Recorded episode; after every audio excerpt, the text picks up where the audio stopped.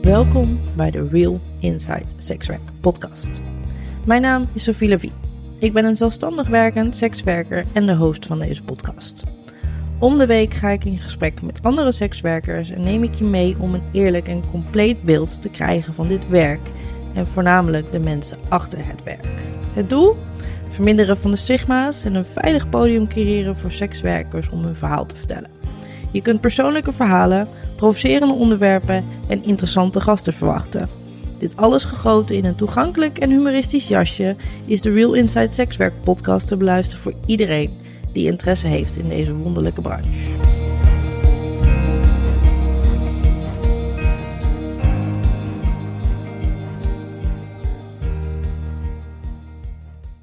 Hebben voor de verandering een keer geen rollende start nu.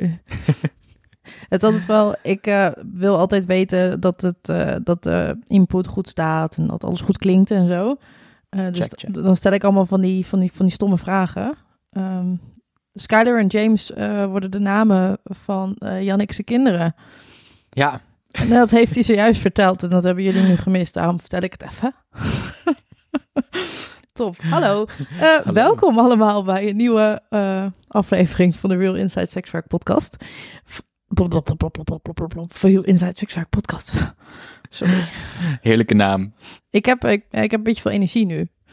Um, ik zit hier vandaag met Jannik voor mijn neus. Yeah. Yay. Zin in. En wij gaan praten over sekswerk. En uh, voornamelijk over um, een high-class escortbureau. Yes. De Rendezvous Club. Oeh. waar jij mede-eigenaar van bent. Klopt dat?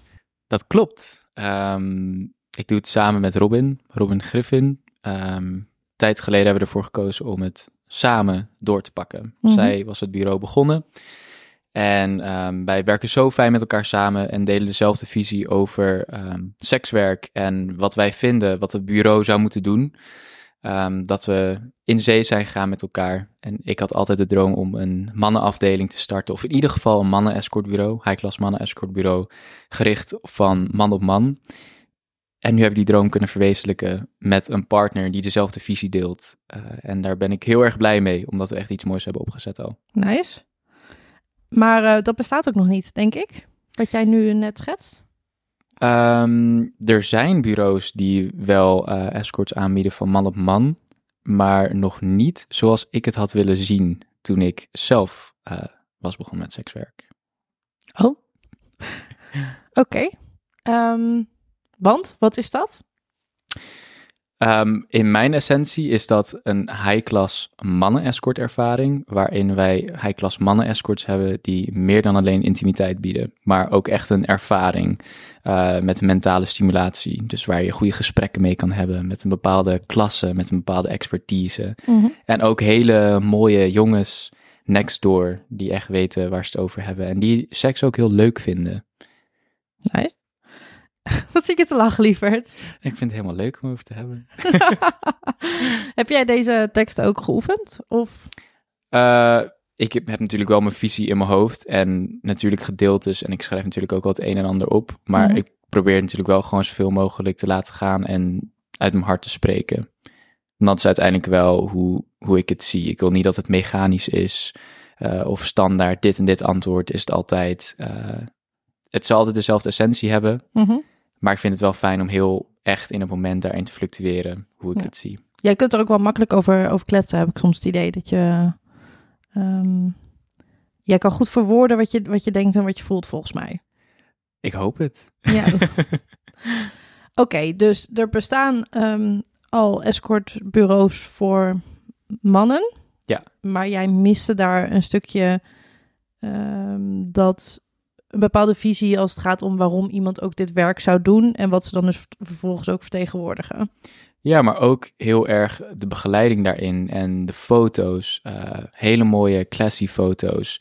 En hoe begin je zoiets? Ik bedoel, ehm, sekswerk voor mannen is een hele andere branche dan sekswerk voor vrouwen. Ik bedoel, we hebben ook dames natuurlijk. Het is een escortbureau voor zowel mannen als voor vrouwen. Mhm. Maar er zit heel veel verschil in de voorbereiding, in de soort man en ook in de markt. Mhm. Want, wat is het verschil in de markt? Het is natuurlijk vanaf ehm, al een hele lange tijd af aan eh, het oudste beroep. Is dat zo? Ja, er zijn zelfs geruchten dat de Mona Lisa een escort was Oh ja? destijds. Ja. Eh, en daar zijn heel veel verschillende verhalen over. Het is nooit echt bevestigd. Maar toch eh, bestaat het echt al heel erg lang vanuit de oudheid. Eh, ook eh, het woord eh, gigolo staat ook al sinds 1920. Dat wist ik. Ja. dus nee, het is een. ehm, er, er zit een heel groot verschil in, ehm, omdat het een female-dominated business is. Dus eh, de- bij escorts denkt men, eh, bij high-class escorts al helemaal, denkt men eigenlijk bijna altijd aan vrouwen als eerst. Ja. Maar niet echt aan mannen.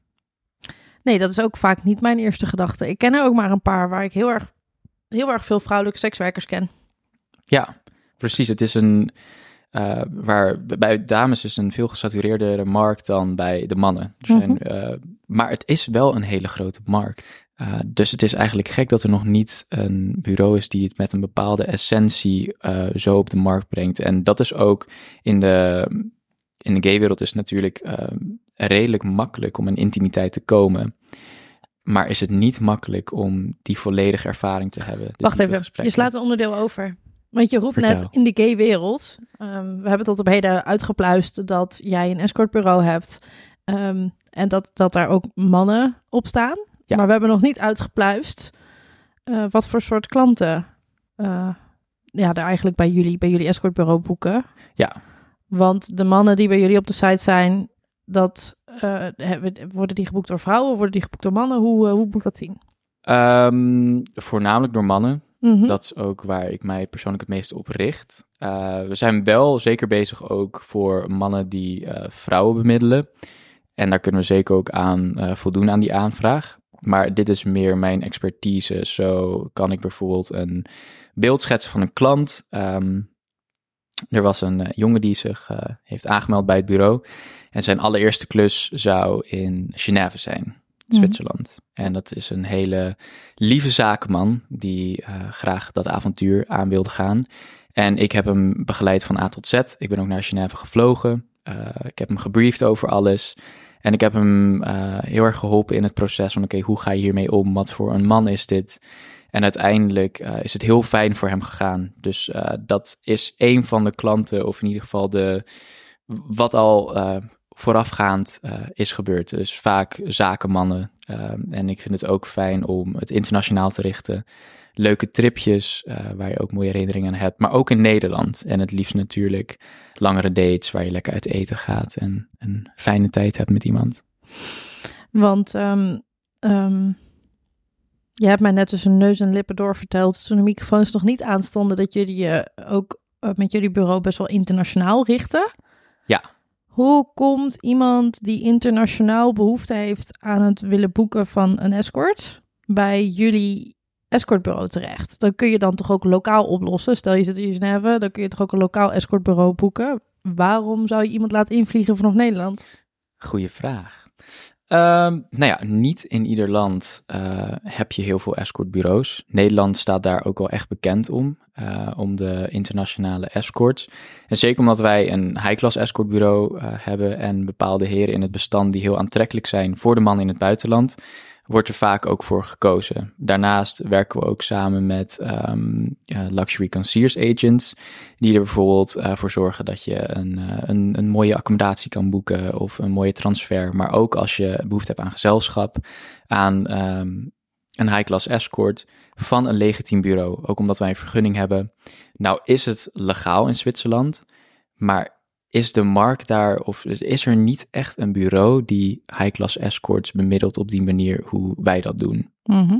Uh, dus de vraag is daar ook gewoon een stuk minder van. Uh, en gelukkig door mijn verstand van de industrie heb ik het zo kunnen doen dat ze wel in contact kunnen komen met ons. Oké.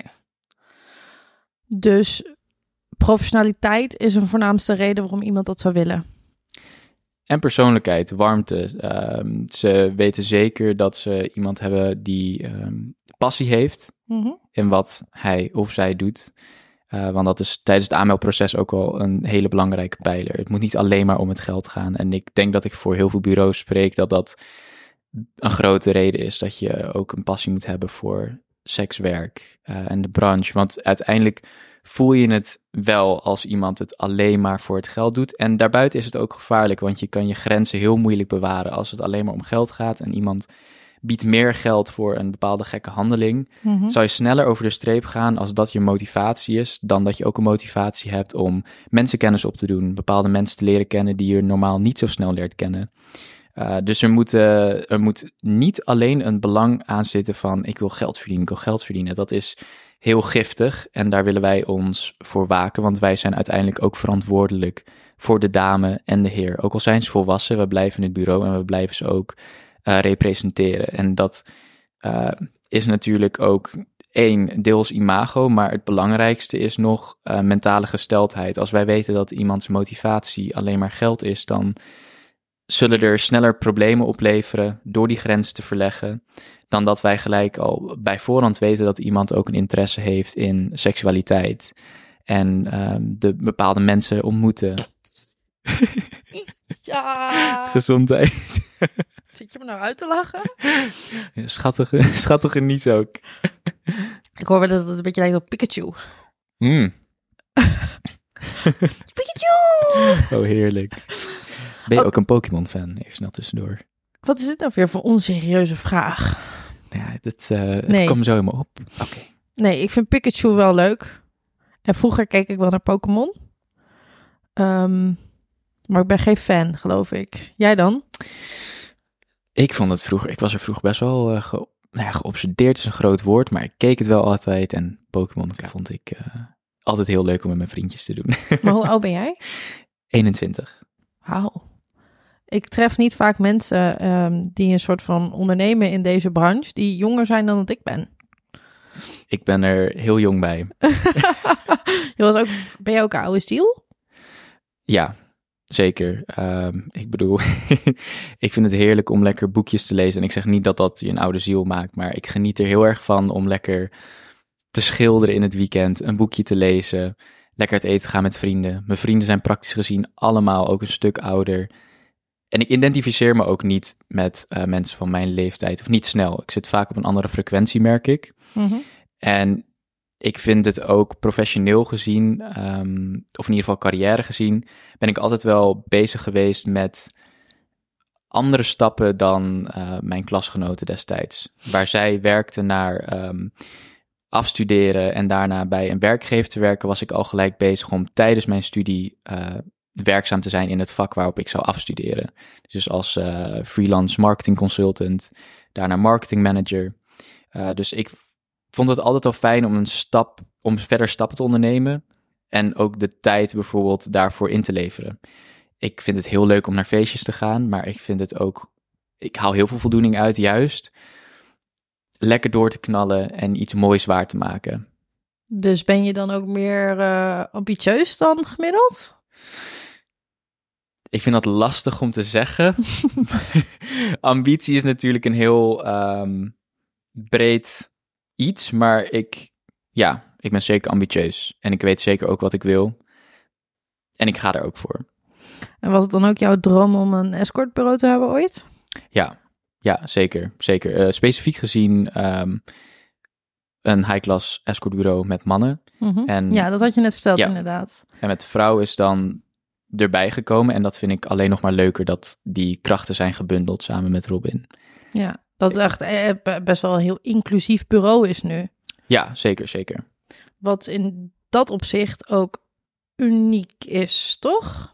Nou, je hebt, je hebt ook al bureaus die dat hebben, maar alsnog zijn wij niet alleen een, een commercieel winstmodel. Want natuurlijk moet ik heel eerlijk zijn, een high-class escort bureau, um, wij moeten ook gewoon geld verdienen. Ja. Dat is ook zo. Maar het belang van onze dames en heren staat altijd voorop. En daarnaast uh, weet ik ook dat heel veel bureaus natuurlijk uh, van, de, van de toren schreeuwen, klantvriendelijk, uh, vrouwvriendelijk. maar voor ons vinden we het belangrijk om die essentie echt uit te dragen en daar ook wat mee te doen. Zo hebben we bijvoorbeeld Robin, die zet zich ook maatschappelijk in voor slutshaming. Is ook al een aantal keer op tv geweest daarvoor. ik vind het heel fijn om daarover te schrijven. En ook met mijn achtergrond in marketing vind ik het heel leuk om daar ook verder stappen in te zetten. En niet alleen maar te richten op, op het commerciële gedeelte, maar ook op het maatschappelijke gedeelte. Ja. Dus uh, voornamelijk schrijven. En wat voor, wat voor dingen schrijf je dan? Uh, verhalen die ik zelf heb meegemaakt. Of ik schrijf over dames die iets leuks hebben meegemaakt. bijvoorbeeld het woord gigolo. dat soort aspecten. Yeah. Um, van alles en nog wat. Maar altijd gerelateerd aan sekswerk en het stigma doorbreken. Ja. En ik wil daar ook steeds meer mee doen. Vast ook een van de redenen waarom je nu tegenover mijn neus zit. Ja. Want die passie, passie, delen we inderdaad. Ik, um, um, ik denk dat de meeste van mijn luisteraars wel bekend zijn met mijn zeer onvervormbare mening over escortbureaus. Ja. Um, en ik vind het ook goed dat dat, weet je, je moet daar ook gewoon eerlijk over zijn. En er zijn ook gewoon veel valkuilen. Ja, neem niet weg dat ik ik had denk ik ook niet heel erg graag in de schoenen gestaan van iemand die een escortbureau runt. um, en daarmee bedoel ik dat ik snap dat het een moeilijke branche is. Uh, met vaak ook moeilijke mensen om mee te werken. Het klinkt een beetje stom, maar ik denk dat jij snapt wat ik bedoel als het gaat om. Ja, er zit iets vluchtigs in deze branche. Het is ja, kijk, als je naar uh, uh, een, een, kleine sidetrack. Ik heb bijvoorbeeld in het Holland Casino gewerkt als uh, croupier. Mm -hmm. daar deed ik blackjack. En nou, bijna alle werknemers werkten daar 30 jaar of meer. De doorloop was daar bijna niks. De doorloop in deze branche kan enorm zijn. Uh, vaak beginnen sekswerkers sekswerk met een reden, maar ook met een einddoel. En er zijn weinig sekswerkers die het 10, 15 jaar lang doen. Het is heel vaak doorlopend of iemand krijgt een relatie of uh, het voelt uh, niet meer goed of iemand heeft eruit gehaald wat diegene eruit wilde halen. Dus je moet rekening houden met heel veel doorloop, heel veel nieuwe zielen, heel veel nieuwe connecties en ook heel veel nieuw vertrouwen. Wat is in jouw ervaring een reden om ermee te beginnen? Met het sekswerk? Ja. Mm, voor mij is een goede reden om ermee te beginnen dat je geïnteresseerd bent om je seksualiteit verder uit te breiden, maar ook dat je je eigen visie wil verbreden. Je zal mensen ontmoeten die uh, een bepaalde visie op de wereld openen, waarin je snel zal merken dat er meer mogelijk is dan alleen maar je 9 tot 5. Er zit heel veel vrijheid in. Ja. En die vrijheid is heel mooi en je kan daar dingen mee doen die de rest van je leven zullen veranderen. Mm -hmm. En dat is zeker een reden waarom ik zou zeggen: take it into consideration. Denk erover na. Ja. Maar denk er goed over na. Want het is niet zomaar een stap. Het is iets wat je de rest van je leven bij je zal dragen. Voor jezelf. Um, en het is niet zomaar iets wat je doet. Het heeft met je lichaam en je ziel te maken. Ja. Uh, dus je moet er goed over nadenken. Maar het kan zich heel erg goed uitbelonen. Als je er wel vol voor gaat en je staat ervoor. En je doet het niet alleen voor het geld.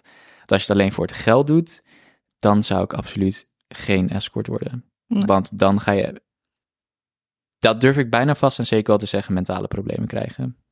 Oei, pittige uitspraak. Ja. Maar ik geloof dat ik me erbij kan aansluiten. Dat is wel, um, veel mensen onderschatten denk ik uh, uh, sekswerk. En um, voornamelijk inderdaad op het moment dat je opereert in die high-class branche. Ja. Um, wat veel mentale investering van jezelf vraagt. Ja. Je moet echt met de juiste voorwaarden erin stappen. En het, inderdaad, sekswerk heeft het vermogen om je leven te veranderen. Ja. En dan niet zoals wij, zoals de meeste mensen in de maatschappij denken, dat dat altijd negatief is. Nee, Maar ook niet. heel erg positief. Ja. Maar ik, denk dat ik inderdaad ook wel durf te stellen dat je niet meer dezelfde persoon bent na sekswerk dan als je ermee begon. Nee, je zal 100% veranderen. Het zal moeilijk worden om met mensen waar je voorheen heel, voorheen heel goed mee kon identificeren, om je daar dan vervolgens mee te identificeren als je sekswerk een tijdje hebt gedaan. Het is, uh, je kijkt op een heel andere manier naar jezelf uh, en je omgeving zal ook op een bepaalde manier veranderen. En je hebt natuurlijk levensstijlinflatie, wat af en toe de hoek om kan kijken. En dat kan ook gevaarlijk zijn. Ehm, maar het biedt ook toekomstperspectief. Want als je het juiste doet met de financiën die je hier uiteindelijk wel mee ophaalt en de kennis, Mhm.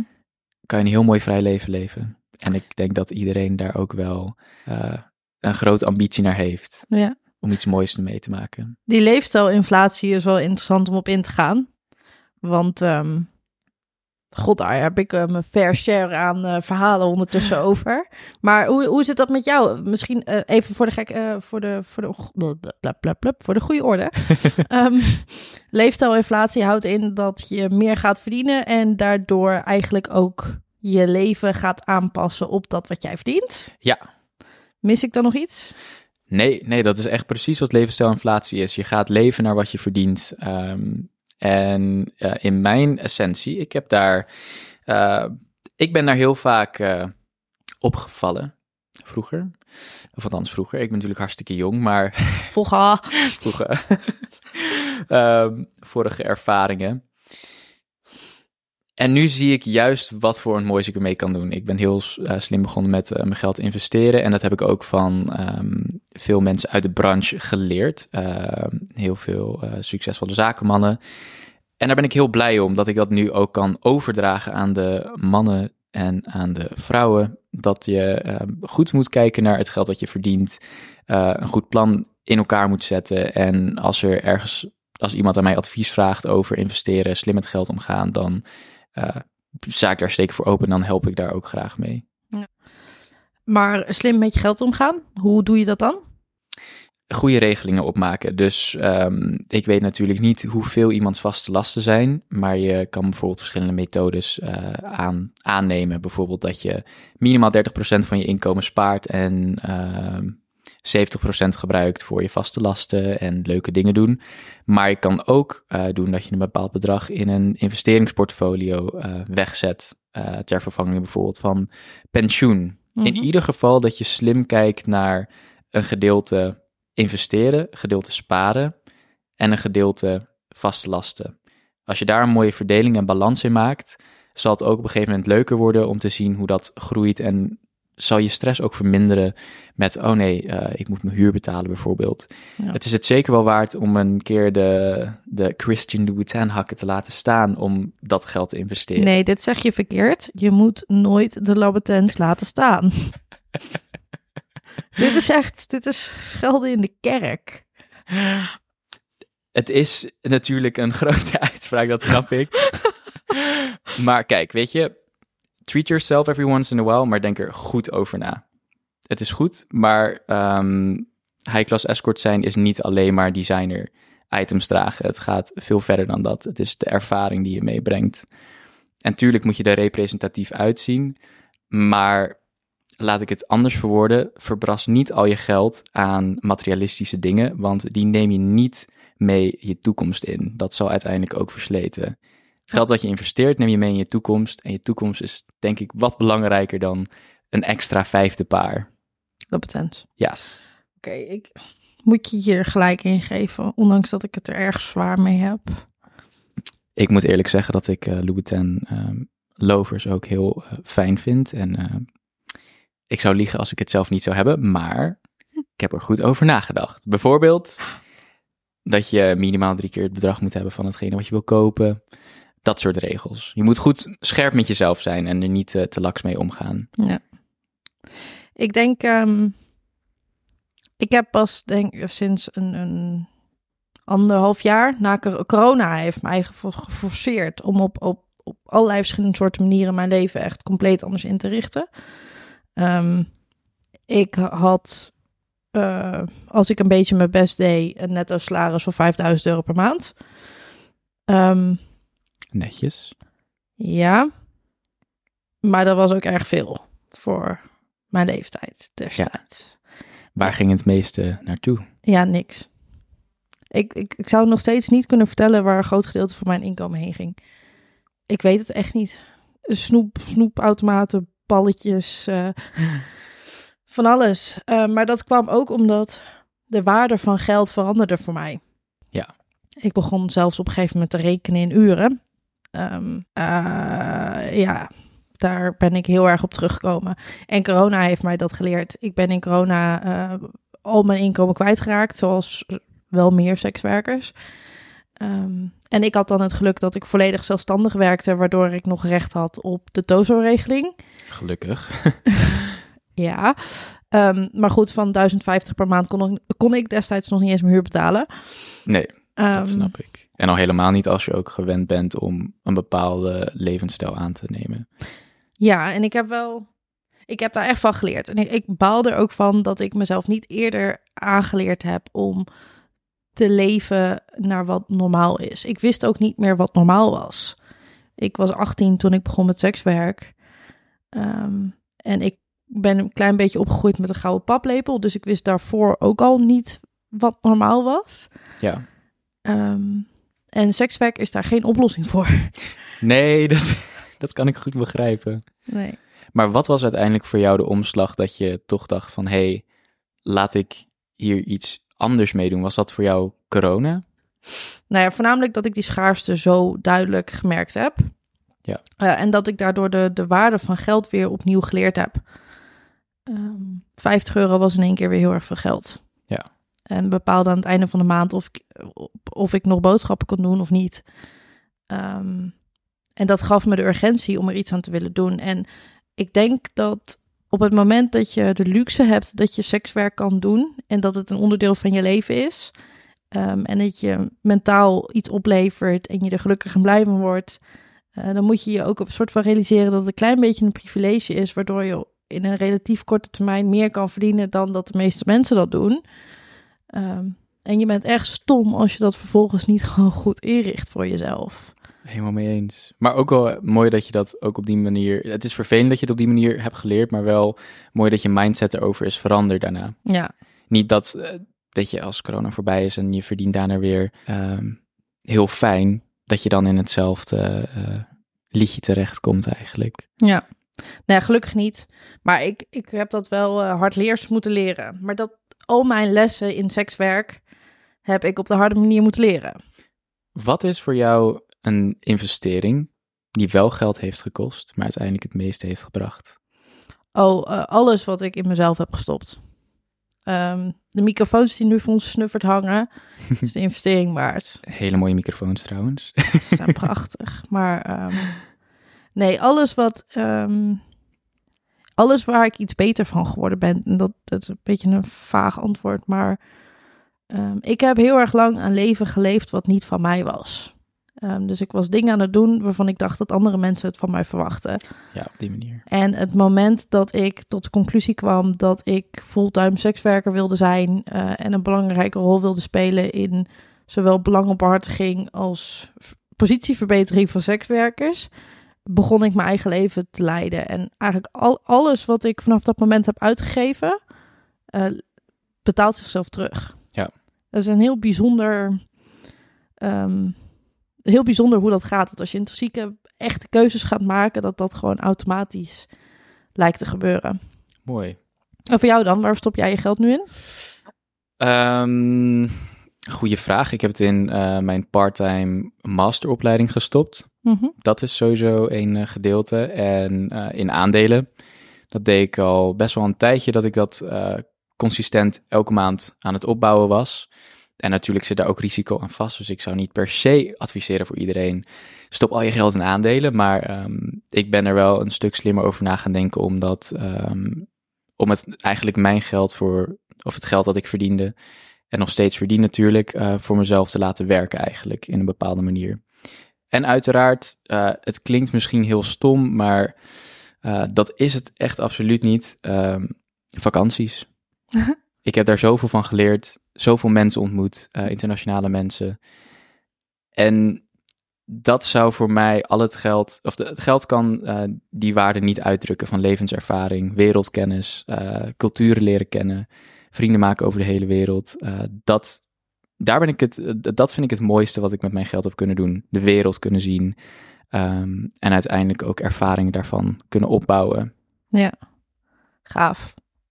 Ik denk ook. Um uh, onderaan de streep, uh, op het moment dat we afzwaaien, um, willen we kunnen zeggen dat we geleefd hebben. En op het moment dat je je geld gebruikt hebt voor ervaringen, denk ik dat je kunt zeggen dat je geleefd hebt. Ja. En ho hoe verschrikkelijk waardevol is het dat als je wat meer te besteden hebt, je dus ook meer kan doen. Ja. En meer kan ervaren. En vaker op vakantie en meer mensen kan ontmoeten. Ja. Van die dingen. Ja, ik zie een soort van zo'n twinkeltje in jouw ogen. Dus jij weet waar ik over lul.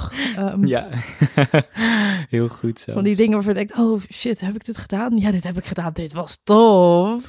ja, ik zat toevallig heel erg terug te denken aan skydiven. ja, dat lijkt me ook echt zo'n moment, ja. Ja. Ja, die, uh, ik, die, moet, die staat nog op mijn lijstje doen?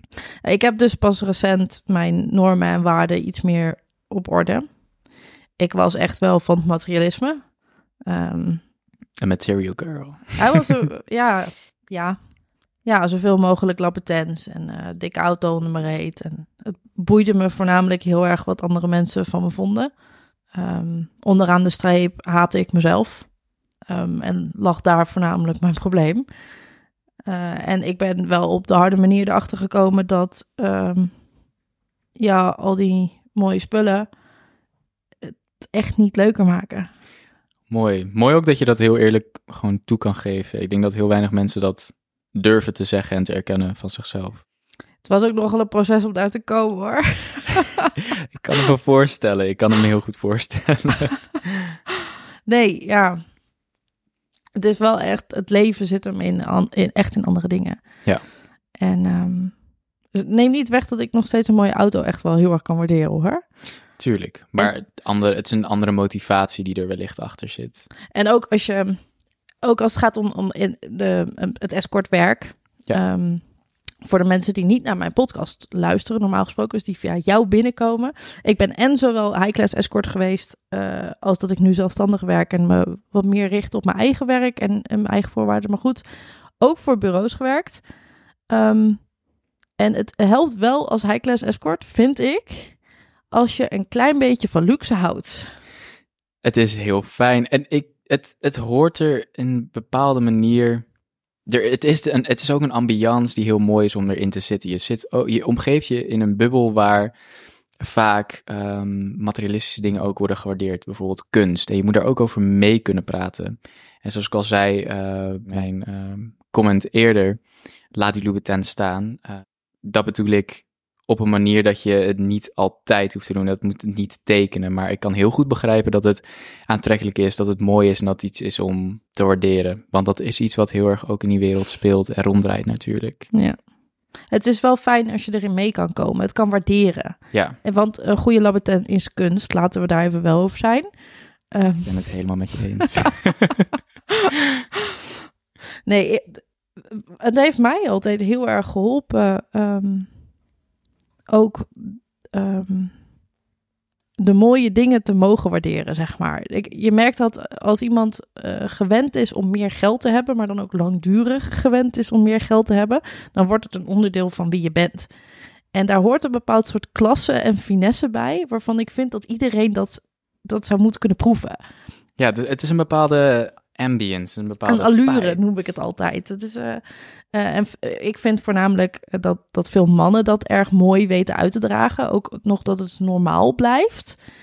Uh, en het is heer, ik vond het heerlijk om me onder te dompelen in die wereld. Nou ja, laten we eerlijk zijn. Een uh, lingerie setje van bordel voelt toch wat lekkerder dan van de Hunkemuller. Niet om te zeggen dat daar iets mis mee is, maar het is toch een bepaalde energie die je ook meedraagt. En ja. dat merkt een klant ook. En dat gezegd hebbende is dat natuurlijk ook niet persoonlijk voor ons bij het bureau niet een vereiste om lingerie setjes van duizenden euro's te dragen. Ik bedoel, we gaan niet in iemands portemonnee graaien. Tuurlijk moet er altijd representatief mooi high-class uitzien. Mm -hmm.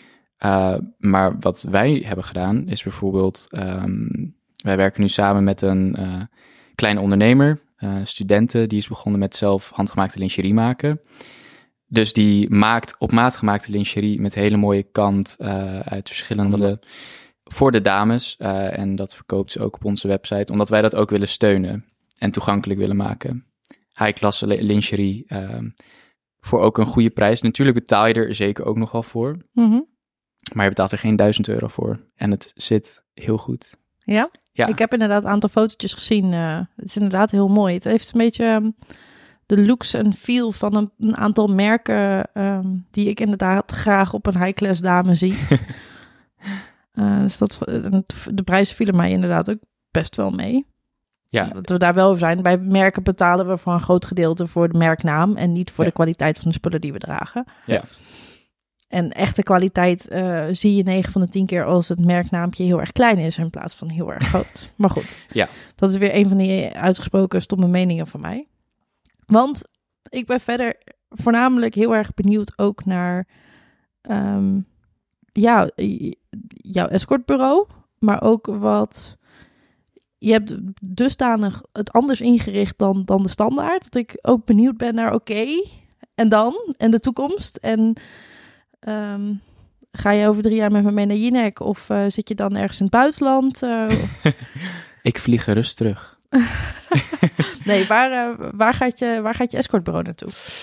Ehm, het escortbureau, het is sowieso voor ons, tuurlijk zit er een heel groot gedeelte dat het ook een, eh, een commercieel bedrijf is, maar wij zetten ons ook maatschappelijk in. Dus het is heel belangrijk voor ons om te blijven samenwerken met bijvoorbeeld de kleine ondernemers als lingerie designer en waar de vrouwen en de mannen die eh, wij als high-class escort in ons bestand hebben, vooraan staan. Dat zij goede keuzes kunnen maken en daarbuiten kennen de escorts elkaar allemaal eh, doen we leuke dingen samen. We hebben bijvoorbeeld een keer een masterclass gedaan, eh, sexy dance. Ik doe zelf aan paaldansen. Dus we proberen, het, eh, we proberen een soort van familiegevoel daarin te houden. En het bureau zal altijd kwalitatief blijven, niet kwantitatief. Wij willen iedereen persoonlijk kennen, zodat we goed kunnen matchmaken. En over drie jaar eh, zal het echt gewoon begrip internationaal zijn. En weet je ook waar je aan toe bent. Een high-class escort, die wij goed kennen, die we goed met iemand kunnen verbinden omdat dat familiegevoel juist er goed in zit. En ook omdat wij er wat aan doen om iemand zo op te leiden dat iemand ook echt high class is. Zowel in de uitstraling als in de hele ervaring. Nice. Deze vraag had ik al gesteld, hè? Bedenk ik me nu. Of geef je gewoon hetzelfde antwoord? Nou, er zit wel een extra, extra laagje aan. Zit- Misschien een andere vorm. Je hebt wel een andere vorm gevraagd. maar niet over drie jaar. Dat is in ieder geval een. ehm, Oh, was dat mijn toevoeging? Ja, Ja. Zie je dat ik nou wel creatief ben? Heerlijk. Maar ik ben nu ook wel benieuwd. ehm, wat is jouw ervaring met high-class escortbureaus en wat zie jij graag anders? Oh, ik wist dat deze vraag zou komen. Het is ook gewoon, meestal als ik, als ik podcastgasten heb, dan komen ze onvoorbereid. En dan heb ik gewoon een clean slate en dan kan ik alles vragen wat ik wil. Jij hebt gewoon drie kantjes volgeschreven met voorbereiding. ik heb gewoon echt het gevoel dat de rollen hier zijn omgedraaid. Want ik had me ook echt niet voorbereid. Ik dacht, oké, met hem kan ik wel kletsen. En dat vind ik gewoon de leukste dynamiek voor mijn podcast. En nu ben je me gewoon elke keer aan het ondervragen. Maar goed, wat, eh, wat is mijn mening daarover? Nou, daar heb ik nog gewoon mening over. Maar ik probeer nog steeds wel open te blijven om Ja. daarover in discussie te gaan. Want ik merk dat ik... ehm, Maar jouw ervaring is jouw ervaring. Dat zal niemand van je wegnemen, weet je. Of dat nou...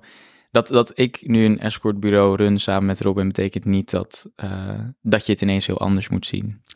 in mijn ervaring met de bureaus waarmee ik heb samengewerkt, ehm, zie ik erg veel ongelijkheid in. ehm, nee, maar mijn visie da- daar, daarin is veranderd. Ik ben een groot voorstander van zelfstandigheid in sekswerk. Ja. Ehm, dus ik zie voornamelijk in de high-class branche, wat dan een interessante branche is, en, en dames wat sneller instappen ook. Ik spreek even voor dames omdat mijn branche is. Ehm, en ik vind daar een rol zitten voor een escortbureau om te vertellen: dit is wat het werk echt is. En het is niet caviar en champagne. En dit zijn de nadelen. Eh, en dit en dit en dit moet je voor jezelf regelen. En dan vervolgens ook een keiharde nee als iemand niet in staat is om het te kunnen doen. Ja. En ik neem deze branche serieus. Ik zie Ja. mensen kapot gaan in deze branche. En dat ligt voor een gedeelte te- aan persoonlijkheid en voor een gedeelte aan de branche. Maar het is ook gewoon keihard werken. En je komt jezelf tegen, gegarandeerd. En je kunt wat minder makkelijk met je vrienden en familie praten over alles wat moeilijk is. Dus je escortbureau zou je beste vriend of vriendin moeten zijn. 100%. Of in elk Ja. geval een partner en een samenwerking. In ieder geval een vertrouwenspersoon. Juist. En bij de escortbureaus waar ik voor gewerkt heb, was het ehm, verschillende bureaus. Maar het eerste bureau waar ik werkte, dat was gewoon echt heel erg commercieel. Ehm, ik was één in dozijn. Ehm, er werd niet geluisterd naar wat mijn wensen waren. En daar, daar, ben ik, daar heb ik ook dingen meegemaakt die ik had gewild dat ik die als sekswerker nooit als, had meegemaakt. Kan je me, als ik vragen mag, zou je een voorbeeld willen geven? Nou ja, ik heb een keer zonder kleren op een gang gestaan. eh, omdat ik eigenlijk gewoon verkracht ben door een klant. Eh, omdat die persoon ook gewoon niet goed genoeg gescreend was. Niet oké. En ehm, als reactie van het escortbureau, die kwam eigenlijk niet. De- weet je, er kwam niemand naar me toe, terwijl ik echt, Terwijl in, dat wel echt terwijl ik in paniek was. Ja. Weet je, ik had echt, ik had een traumatiserende ervaring gehad. Nou ja, dat, dat ehm, en slordigheden. Ja. Ehm, zeggen dat er een cocktailbar op eh, verdieping 15 zit, terwijl de cocktailbar op verdieping 10 zit, waardoor ik daarna zonder pasje niet meer naar boven of naar beneden kan, waardoor ik net goed hoer op mijn voorhoofd kan schrijven en een Chinezen moet vragen of ze pasje even voor de liftdeur willen houden. Ja, nee, dat... En dan betaal ik 50% van mijn omzet, Nee, ja. omdat jij je werk zo slordig doet. Nee, talloze van dat soort voorbeelden. Ik snap de frustratie. Ehm, en daarna, ehm, het escortbureau waar ik nu voor werk, merk ik gewoon dat ik ehm, niet zo heel erg in trek ben. En er meer gewerkt moet worden om mijn marketingtechnisch neer te zetten. Ik ben ondertussen qua uiterlijk, denk ik, niet meer de standaard high-class, high-class die wat daarvan verwacht wordt. ja, je bent een prachtige dame. Dank je. Maar ik ben geen maatje 36 meer. Ehm, en ik wil ook niet meer het perfecte vriendinnetje zijn. Dus ik heb zo'n zo'n uitgesproken mening, die moet je vermarkten. Ehm, en dat kan, maar dan moet je me wel anders neerzetten dan de gemiddelde high-class dame. Ehm, en maar dat- maatje 36, sorry, ik wil je niet onderbreken, maar maatje 36 betekent niet dat je alleen een high-class escort bent als dat je maat is. ja, en toch ben ik vrij recent nog afgewezen bij een high-class escortbureau, omdat ik te dik was. Bizar. It happens. Ja.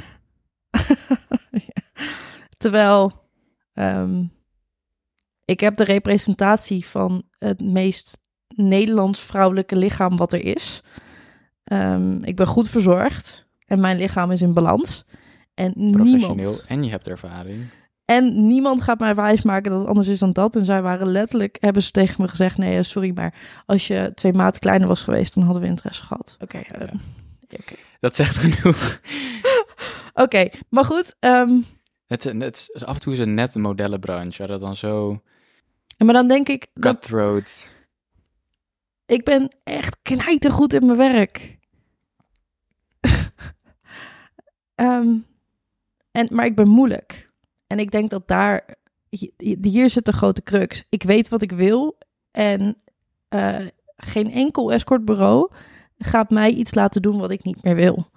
Nee, snap ik. Maar het is ook, je, ik bedoel, de meeste escortbureaus nemen 50%. Ik bedoel, als je zo'n percentage afstaat, verwacht je ook dat er naar je wordt geluisterd. Want jij bent uiteindelijk degene die eh, het werk doet.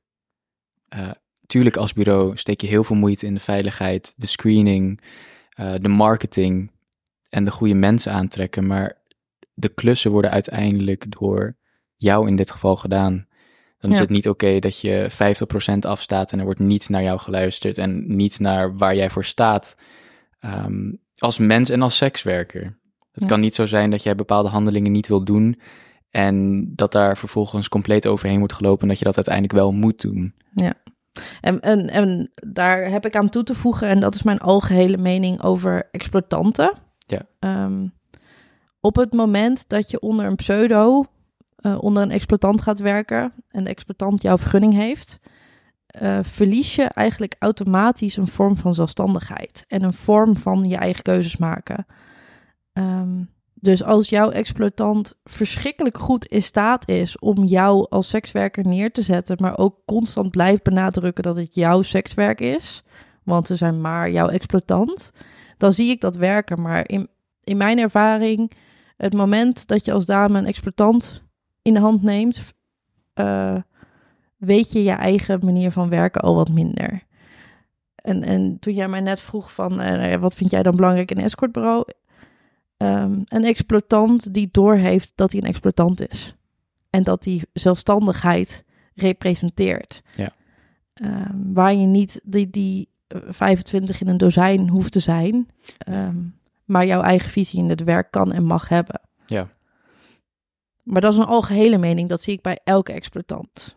En dat is ook waarom ik zo'n ambassadeur ben van zelfstandig sekswerk. Ja. En dat is ook wel een crux. Want bijvoorbeeld bij het escortbureau waar ik nu ingeschreven sta... ehm, ja, eh, die foto's zijn hetzelfde als de foto's die ik voor mijn zelfstandige werk gebruik. Dus dan doet zij mijn marketing en dan een slimme klant gaat vervolgens zitten googelen en komt bij mij persoonlijk uit waar je een stuk goedkoper kan boeken. Ja, dat zijn ook wel moeilijke kwesties hoor. Ja, het is eh, soms heel erg eh, schaatsen op dun ijs als Ja. het daarom gaat. Ja. Ehm, maar het is inderdaad, ik moet ook wel eerlijk zeggen, met mijn, eh, mijn vorige ervaring, ik vond het best wel overweldigend worden als zelfstandige. ehm, om alles te regelen. Continu te reageren op klanten, continu in gesprek gaan en soms dat het nergens naar eindigt en ook eh, prijzen onderhandelen. Dat is niet fijn als je dat continu moet doen. Ik bedoel, je praat over je lichaam, dus ik kan echt, ik, ik snap beide kanten heel goed. Ik snap heel goed waarom zelfstandig werkt. Ehm, maar ik snap ook heel goed dat je dat eh, aan iemand anders wil overlaten, mits ze uiteindelijk inderdaad als jouw exploitant optreden en dan niet alleen een boeking regelen, maar dan ook je meenemen in het hele traject. Ervoor zorgen dat jij eh, dat je je goed voelt. eh, ervoor zorgen dat er ondersteuning is en dat je niet een nummertje bent, maar een persoon. Ja. Ja, en gewoon daadwerkelijk die dingen uit handen nemen die als zelfstandige niet zo leuk zijn. Ja. Ehm, ik heb hier nu twee telefoons van mijn snuffert liggen. ik word helemaal gek van mijn hoerentelefoon. Ja. Dat heb ik echt al maanden. En ik ben echt super veel bezig om me beter te vermarkten en meer neer te zetten. Hey joh, dit is wie ik ben. En stomme podcast waar ik eindeloos over mezelf aan het lullen ben. En desondanks krijg ik nog steeds berichtjes. Hé hey, schatje, doe je escort? Ben je vrij vanavond? Ja, Oh. 50 euro voor 30 minuten nou. Hey, schatje, kun je vanavond? Ja, En dan denk dit schatje, nee, ik krijg er... Bah. ja. Nee, ik, ik snap de frustratie echt. En ik weet, dit gebeurt bij high-class escortbureaus ook nog steeds. Ja, Dan, dan heb je een soort van zo'n mooie site, en zo'n specifieke zoveel visie. moeite. En zoveel moeite in dit zijn wij en dit zijn high-class escorts en woehoe. En dan zijn er nog steeds van die ramdebielen die alsnog een berichtje sturen. Nou ja, ze blijven het proberen, maar dat is ook... Ik, da- daar leer je ook weer van. Je krijgt op een gegeven moment ook vol sprieten van... oké, is iemand serieus? Is iemand niet serieus? En dat, dat, dat is ook, eh, dat hoort, is, is ook onderdeel van de screening. Ja, want ehm, als er een nieuwe klant bij jullie komt, hoe gaan jullie daar dan mee om? Eh, heel, heel zorgvuldig natuurlijk. Eh, wij vragen sowieso heel veel informatie. Ehm, we weten wie het is natuurlijk. We hebben ook een foto. We hebben vaak ook een gesprek. Dus we weten ook wie we voor ons hebben, wat voor een persoon het is, wat voor een energie iemand meebrengt. Eh, we werken ook samen met de politie, Mhm. eh, heel nauw met de politie in Rotterdam. Ehm, en dat is ook heel fijn. Ik moet ook zeggen, als escortbureau is onze samenwerking met de politie het fijnst eh, versus andere partijen. Het is bijvoorbeeld heel lastig om een kantoor te krijgen Mhm. of een bank. Ja. Bijvoorbeeld, eh, nou ik zal maar geen namen noemen, maar ik ben wel eens een bank binnengelopen eh, met de vraag of een rekening konden openen. En toen kreeg ik het antwoord, ehm, wil je alsjeblieft het pand verlaten? Ehm, want het risicopercentage op de werkzaamheden die jullie uitvoeren is te hoog. Toen zei ik, dus eigenlijk ben je mij nu een soort van ehm, aan het discrimineren op basis van wat voor een bedrijf ik heb. Maar vervolgens hebben we wel een legitiem bedrijf die bij de Kamer Koophandel in staat geschreven. We hebben een vergunning. Hoezo kunnen we dan niet door een normale bank eh, worden aangenomen? Wie zegt dat wij gaan witwassen, net als zogenaamd 80% van, eh, van de gevallen? En dat is zoiets groots waar je als bureau tegenaan loopt. Het is niet alleen eh, het klantencontact en de marketing en de concurrentie Ja. En het niet gunnen, want dat is ook heel erg in de branche. Maar het is ook heel erg de partijen die niet samen willen werken. En daar ehm, is de politie gelukkig wel een partij van die wel goed met je samenwerkt, want die zorgt uiteindelijk voor heel veel veiligheid. En die nemen wij ook zeker mee in het proces. ja, en die misstanden blijven ook bestaan op deze manier. Ja. Die, die frustratie deel ik volledig met je. Ik ben al jaren op zoek naar een arbeidsongeschiktheidsverzekering, onder andere. Ehm, maar dat, kan en dat mag niet, want op het moment dat je in de erotische branche zit, eh, ja, weet je, ik moet wel crimineel zijn. Zie je dat niet? Ja. Kijk, tuurlijk, ze, ze, doen, eh, ze, ze, ze baseren hun keuze op basis van vorige gevallen en het risicopercentage. Maar ja, uiteindelijk heb je wel een bank nodig als high-class escortbureau. Of als high-class escort. Zelfs persoonlijk een bankrekening openen bij Ja. sommige banken is een no-go. Ja, En dat is gewoon niet oké. Ehm, ik vind dat dat wel lastig is in de branche en dat dat ook zeker iets is waar eh, meer onderzoek misschien naar moet worden gedaan. Want oké, goh, hoe komt dat nou? En eh, zijn er ook manieren waardoor deze partijen, zoals een bank of een kantoor, eh, wel gewoon per bedrijf kunnen kijken van oké, ehm, hoe kunnen we jullie wel accepteren? Ja, In plaats van alle partijen afzoeken, zodat er maar twee overblijven. Ik vind dat wij ook gewoon de luxe mogen hebben om te zeggen: ik wil bij bank X of Y. In plaats van: oké, nou, er, is nog maar, er zijn nog maar twee keuzes open over. Allebei niet de beste banken, maar we doen het maar. ja. Ja, wees blij dat het nog ergens kan.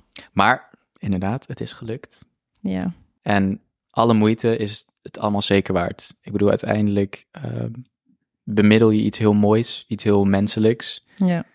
En geloven wij er zeker in ehm, dat dit een heel mooi bedrijf is en dat het ook een hele mooie branche is. Er is gewoon nog veel werk aan de winkel en daar zetten we ons graag voor in.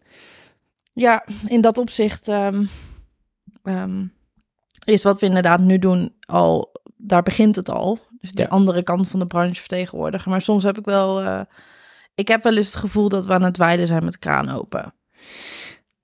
Ja, ik denk dat er altijd, kijk, eh, er zal altijd wel een stigma op hangen. Hoe hard je ook bezig bent met het te doorbreken. Maar het gaat erom dat er een movement komt en dat er wel een verschil komt. En dat in ieder geval een gedeelte van de maatschappij ook op een andere manier over nadenkt. Zonder dat ze in de sekswerkersbranche zitten. Zodat iedereen zich en meer geaccepteerd voelt. En zodat het ook meer bespreekbaar is. En als er een keer iets misgaat, dat er ook mensen zijn die je op kunnen vangen. Want het is heel eenzaam als je en niet met een bureau kan praten omdat dat niet veilig genoeg voelt.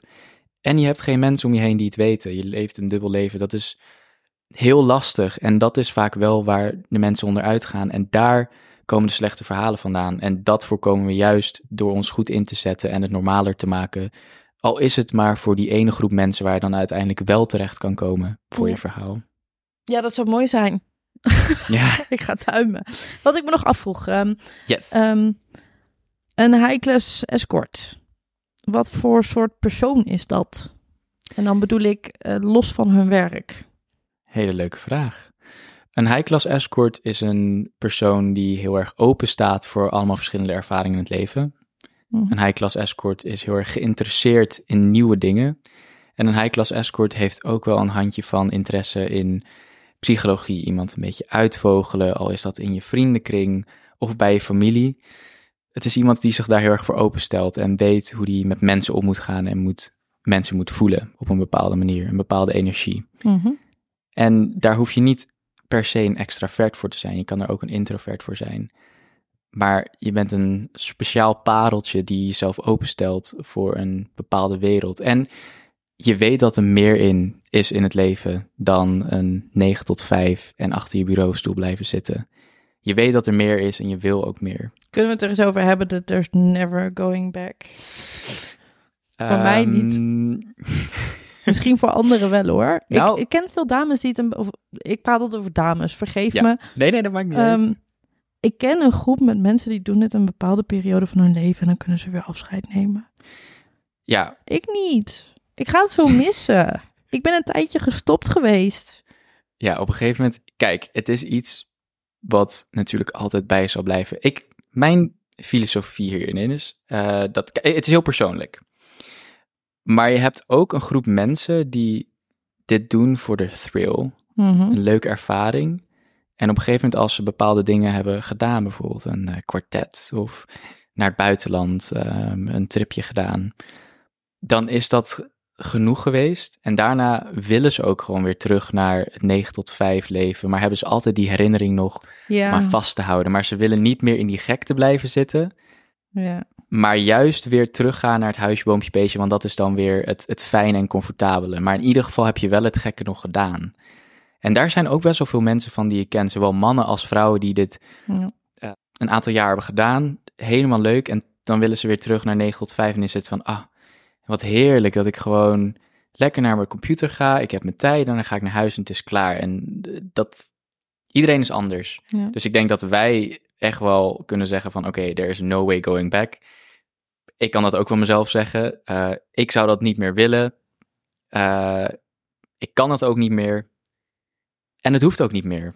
Dat is het mooie. Nee. Maar ik denk dat er nog wel een aantal mensen zijn die dat misschien uiteindelijk toch wel weer willen doen.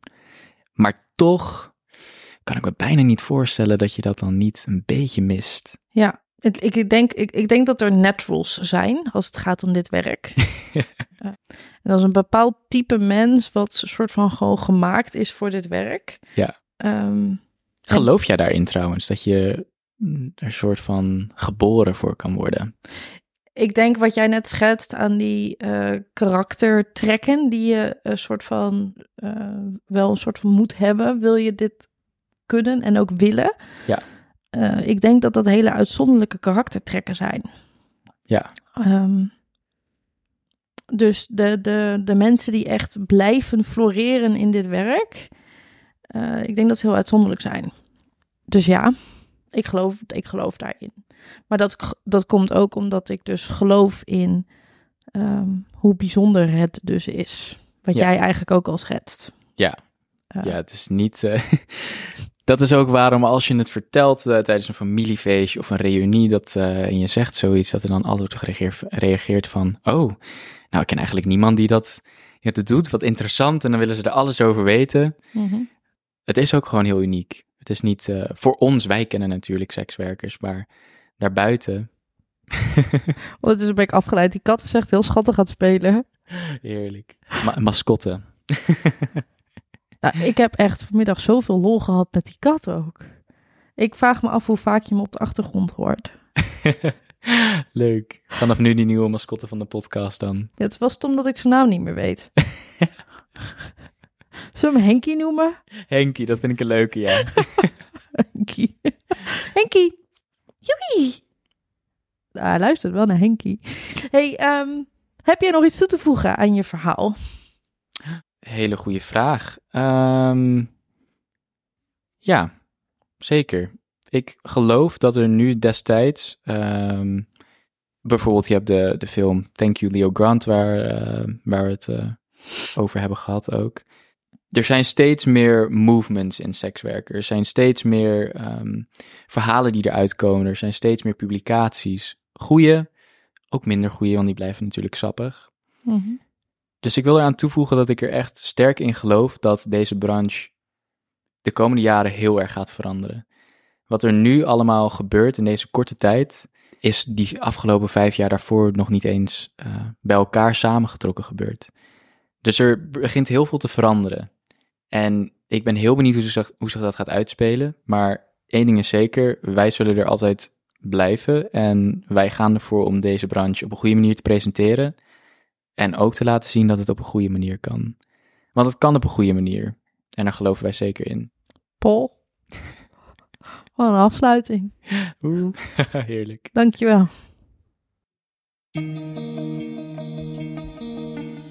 Dankjewel dat je weer luisterde naar een aflevering van de Real Inside Sexwork podcast. Elke dinsdag om de twee weken is er een, eh, een nieuwe aflevering. De ene keer ga ik in gesprek met een andere sekswerker of een instantie. Ehm, en soms ga ik in gesprek met mezelf over een bepaald onderwerp. Denk je nou, hey joh, ik eh, wil de Real Inside Sexwork podcast eh, goed in de gaten houden. Ga ons dan op Instagram volgen. Dat is de Real Inside Sexwork podcast. Zonder spaties, geen gekkigheden. En ga ook even bij je favoriete podcastplatform eh, ons volgen en zet de meldingen aan. Dan krijg je automatisch een melding op het moment dat er een nieuwe aflevering is. Eh, tot de volgende keer.